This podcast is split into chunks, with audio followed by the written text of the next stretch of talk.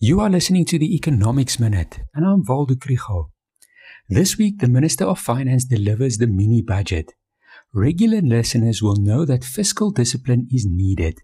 The Minister needs to reduce the difference between government spending and tax revenue so that we can borrow less. According to the so called active scenario, 230 billion must be cut over the next two years.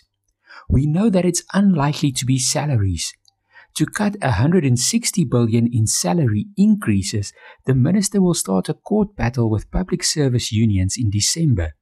And these are only increases. It's not yet real salaries that are being cut or people who are losing jobs. The places where the cuts are going to come are the transfers that are made to provinces and local governments.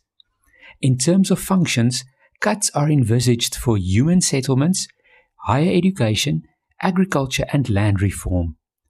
This is money that would have been used for the upgrading of informal settlements, maintaining of university infrastructure and student accommodation, maintaining provincial roads, and infrastructure projects that would support emerging farmers.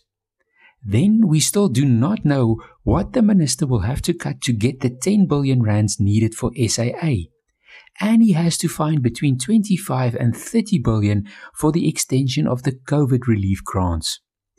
Economists agree that cuts have to be made, but it's clear that these are difficult choices that will have an impact on people and the economy.